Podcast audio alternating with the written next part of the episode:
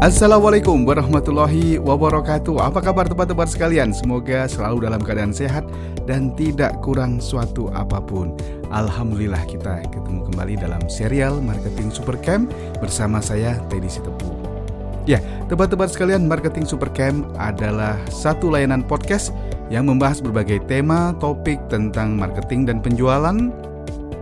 Di sini kita akan berbagi cerita, berbagi pengalaman, knowledge, experience, tip dan triks dalam melakukan marketing dan penjualan. Ya, langsung saja hari ini kita akan bahas pada topik ke-43 tentang rahasia para best achiever. Ya, teman-teman sekalian, di awal tahun 2018 ini, di bulan Januari 2018 ini, saya beberapa kali menghadiri dan memberikan uh, penghargaan, memberikan award pada para sales, pada para penjual, baik yang dari entrepreneur, dari network marketing, ya, jejaring bisnis dan dari bisnis kami sendiri. Mereka-mereka yang menghasilkan penjualan tertinggi di tahun 2017. Ya, ada mereka yang baru mulai di suatu bisnis kemudian melejit di tahun 2017 ini.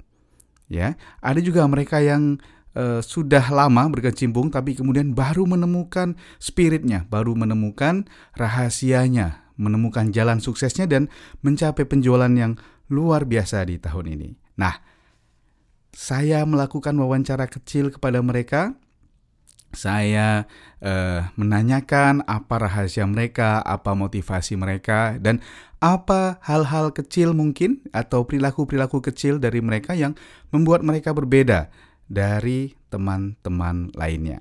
Ya, apa saja itu? Ya, kita akan bahas di episode 43 ini. Baik, ya, teman-teman sekalian, yang pertama, ya, rahasia pertama dari para best achiever itu. Yang pertama adalah latihan, ya. Mereka adalah orang-orang yang sangat senang sekali melakukan latihan. Mereka mengikuti berbagai latihan dari berbagai metode, dari berbagai uh, mentor, dari berbagai trainer, baik internal organisasi mereka atau dari luar, ya. Mereka hadir dalam sesi seminar ya di sebuah gedung atau di sebuah rumah atau di uh, sebuah tempat yang mereka melakukan latihan. Bisa berbentuk latihan yang besar uh, dalam ratusan orang itu sekaligus dalam pelatihan atau sekedar pelatihan-pelatihan kecil yang dilakukan oleh supervisor super, supervisor mereka. Nah, menurut mereka latihan inilah yang membuat mereka merasa berbeda uh, dari sebelumnya. Dengan latihan, dengan sesi-sesi pelatihan itu mereka terbuka wawasannya juga mereka merasa memiliki motivasi, memiliki kepercayaan diri yang lebih dibanding sebelum mereka mengikuti pelatihan.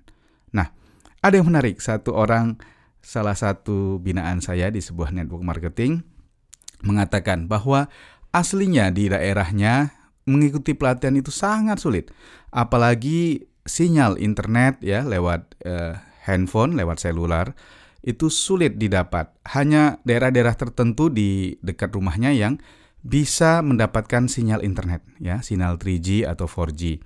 Nah, apa yang dilakukan? Ya, kebetulan lokasi itu adalah di tengah sawah. Nah, ketika sesi training online dilakukan, dia harus pergi ke sawah. Dia harus pergi ke sawah itu malam-malam dan menangkap sinyalnya dan kemudian mendengarkan, mendengarkan uh, audio podcast atau mendengarkan mengikuti uh, webinar yang uh, diselenggarakan oleh jaringannya.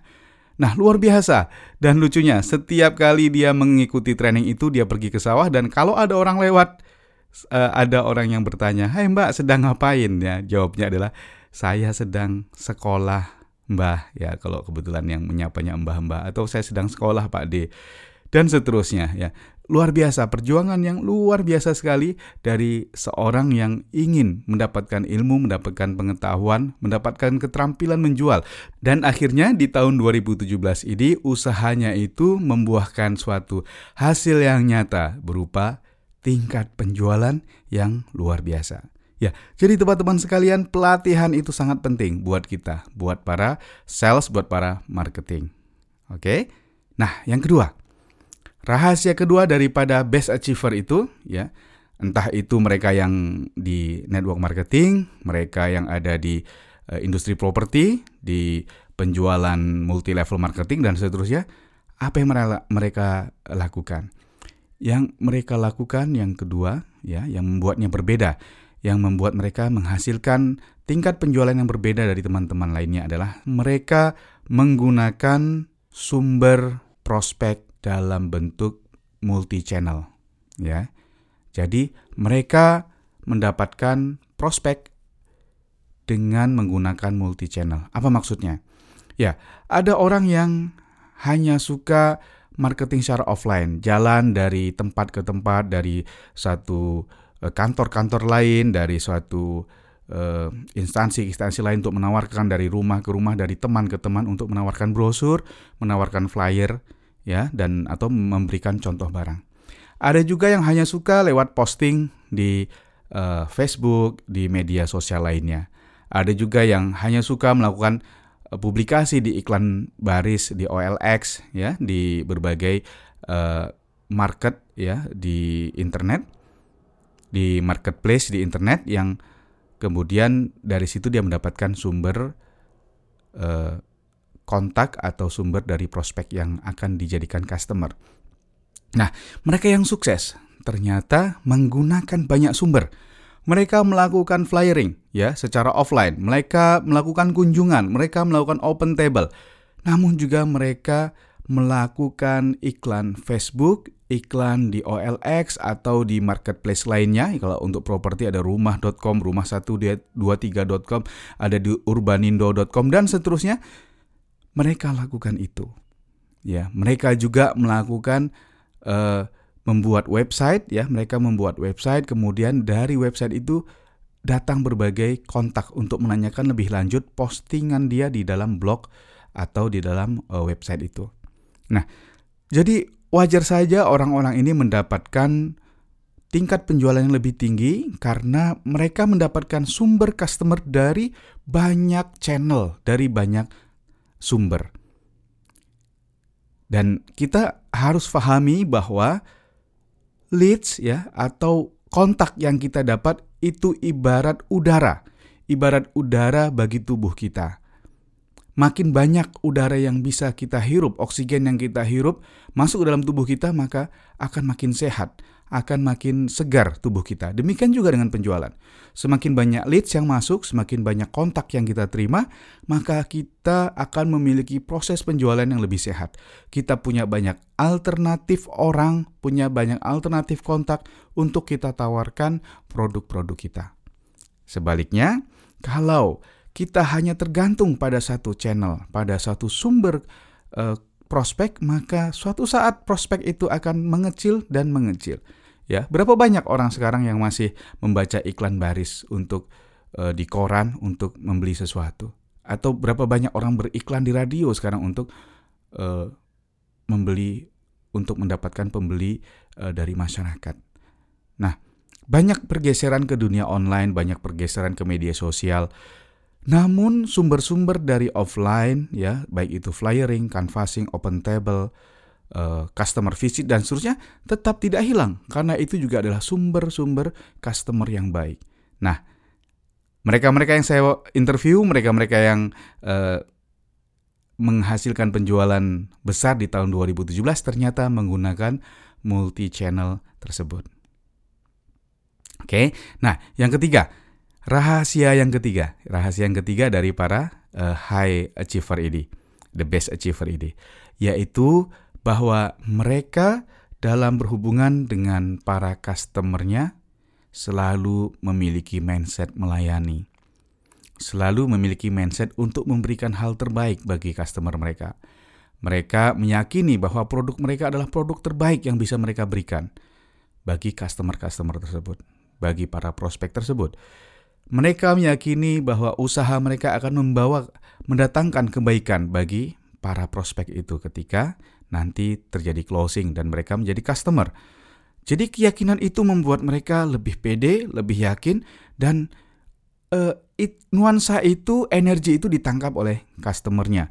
Kalau mereka mengatakan kalau saya sudah merasa lemas atau merasa tidak pede, terutama terhadap produknya, biasanya akan terjadi kegagalan dalam closing. Sebaliknya, ketika mereka yakin dengan produknya, mereka yakin dengan jasa yang akan ditawarkan, maka tingkat closing itu pun akan menjadi lebih tinggi. Nah, teman-teman sekalian, milikilah rasa percaya diri tersebut. Memilikilah rasa uh, bangga terhadap produk atau jasa yang kita tawarkan. Dan betul-betul cari tahu produk itu, produk kita. Di mana produk itu, bagaimana produk itu bisa memberikan manfaat yang sebesar-besarnya bagi uh, customer kita. Ya, cari bagaimana produk kita itu akan memberi manfaat bagi customer kita? Apa value yang luar biasa bagi mereka? Bagaimana hidup mereka bisa terbantu dengan produk yang kita miliki ini? Bagaimana uh, hidup mereka bisa berubah menjadi lebih baik dengan membeli atau menerima jasa dari kita? Rahasia satu, rahasia dua, dan rahasia tiga tadi sudah saya bagikan kepada teman-teman sekalian. Mari kita tiru di tahun 2018 ini. Ayo, jangan Jangan enggan untuk mengikuti pelatihan-pelatihan di mana saja, ya lewat podcast seperti saat ini atau lewat webinar, lewat YouTube atau lewat seminar secara uh, offline di berbagai lembaga pelatihan, ya. Kemudian yang kedua, mari kita gunakan multi channel, banyak channel, Facebook, WhatsApp, ya, aplikasi chatting, menggunakan flyering, canvassing, open table, pameran, dan berbagai channel-channel lain yang kita bisa lakukan. Kemudian, mari kita selalu gunakan paradigma melayani, memberikan hal yang terbaik bagi customer kita. Baik, teman-teman sekalian, sebelum saya tutup episode ke-43 ini, saya juga akan membahas satu hal yang di luar faktor teknis yang diakui para top achiever tadi itu sebagai rahasia sukses mereka. Ya, yang pertama adalah ya semua semua ini menyebutkan ya semua uh, best achiever yang saya wawancarai dan saya temui itu menyatakan beberapa hal ini. Yang pertama adalah doa dari orang tua. Mereka sangat meyakini bahwa doa dari orang tua tersebut memiliki dampak luar biasa bagi motivasi mereka dan bagi kelancaran uh, usaha mereka itu. Nah, Teman-teman sekalian, ini penting kita tiru. Ya, doa dari orang tua. Sudahkah kita meminta doa dalam setiap usaha kita, dalam setiap langkah kita untuk menuju customer atau membuka satu proyek baru? Ya, doa dari orang tua. Yang kedua adalah melakukan ikhtiar, ya melakukan usaha yang dibarengi dengan doa yang terus-menerus. Ya. Jadi mereka melakukan the best effort ya mereka lakukan tadi tiga hal tadi yang secara teknis memang luar biasa. Kemudian mereka juga iringi dengan doa. Iringi dengan doa. Ya, kebetulan beberapa teman yang tadi menjadi top achiever, ada yang muslim dan ada juga yang uh, Nasrani.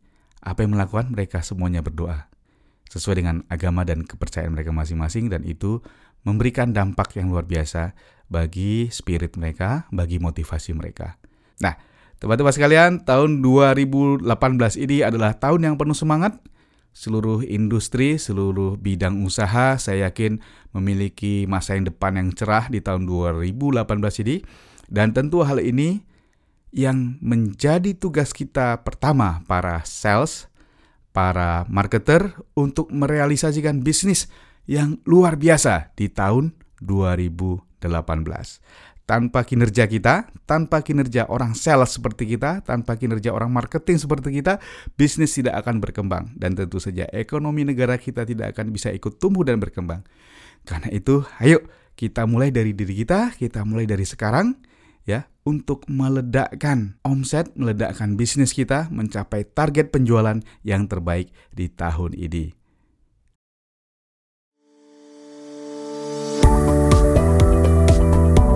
Teman-teman sekalian, demikian episode ke-43 Marketing Super Camp ini mudah-mudahan memberikan manfaat yang besar buat Anda sekalian.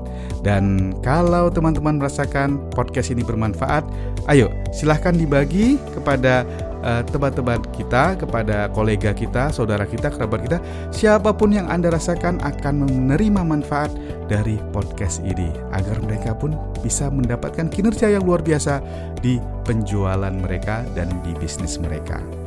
Ya, terima kasih atas perhatiannya dari saya. Semoga uh, selalu mendapatkan keberkahan dan kemudahan dalam menjalankan bisnis bagi Anda dan semoga terus mencapai kinerja terbaik di tahun 2018 ini.